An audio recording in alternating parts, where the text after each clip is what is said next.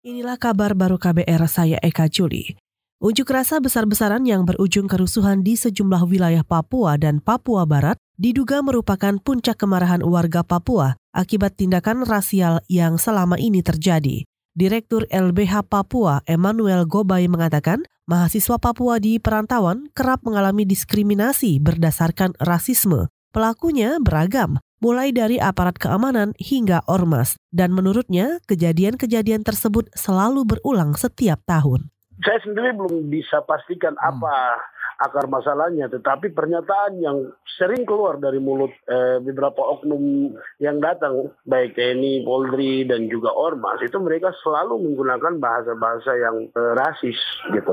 Ketika terjadi peristiwa yang berturut-turut seperti itu itu kan kemudian menjadi akumulasi kejengkelan eh, dan juga akumulasi ketidakterimaan atas sikap yang tidak manusiawi itu akhirnya eh, bisa direspon seperti itu. Direktur LBH Papua Emmanuel Gobay menambahkan, rasisme semestinya tak boleh terjadi di Indonesia karena bisa memecah belah bangsa. Ia menyarankan pemerintah daerah di Papua membentuk tim khusus anti diskriminasi rasial Tim itu bertugas mengidentifikasi pelaku rasisme dan melakukan penanganan. Tim juga diharapkan berkoordinasi dengan gubernur di seluruh Indonesia untuk memastikan jaminan keamanan bagi mahasiswa Papua yang berada di perantauan. Saudara Muhaimin Iskandar kembali terpilih sebagai Ketua Umum DPP Partai Kebangkitan Bangsa atau PKB. Dikutip dari Antara, Muhaimin terpilih secara aklamasi dalam rapat pleno Muktamar ke-6 PKB yang digelar di Bali. Muhaimin yang akrab disapa Caimin mendapat dukungan dari 34 DPW. Muktamar PKB kali ini juga diwarnai konflik internal. Dua bekas sekjen partai, Lukman Edi dan Abdul Kadir Karding, mengaku tidak diundang. Konflik ini disinyalir sebagai buntut perbedaan pandangan selama pemilu 2019.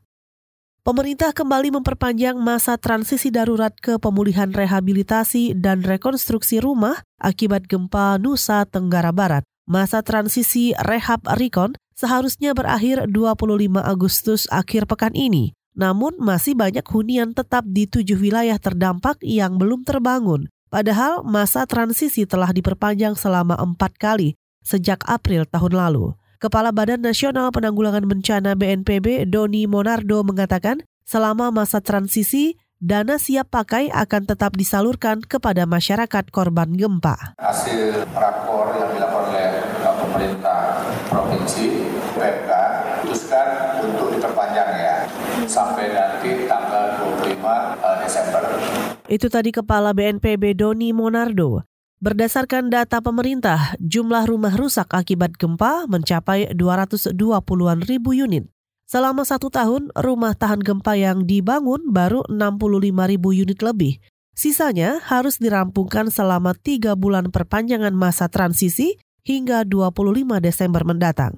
Saudara demikian kabar baru, saya Eka Juli.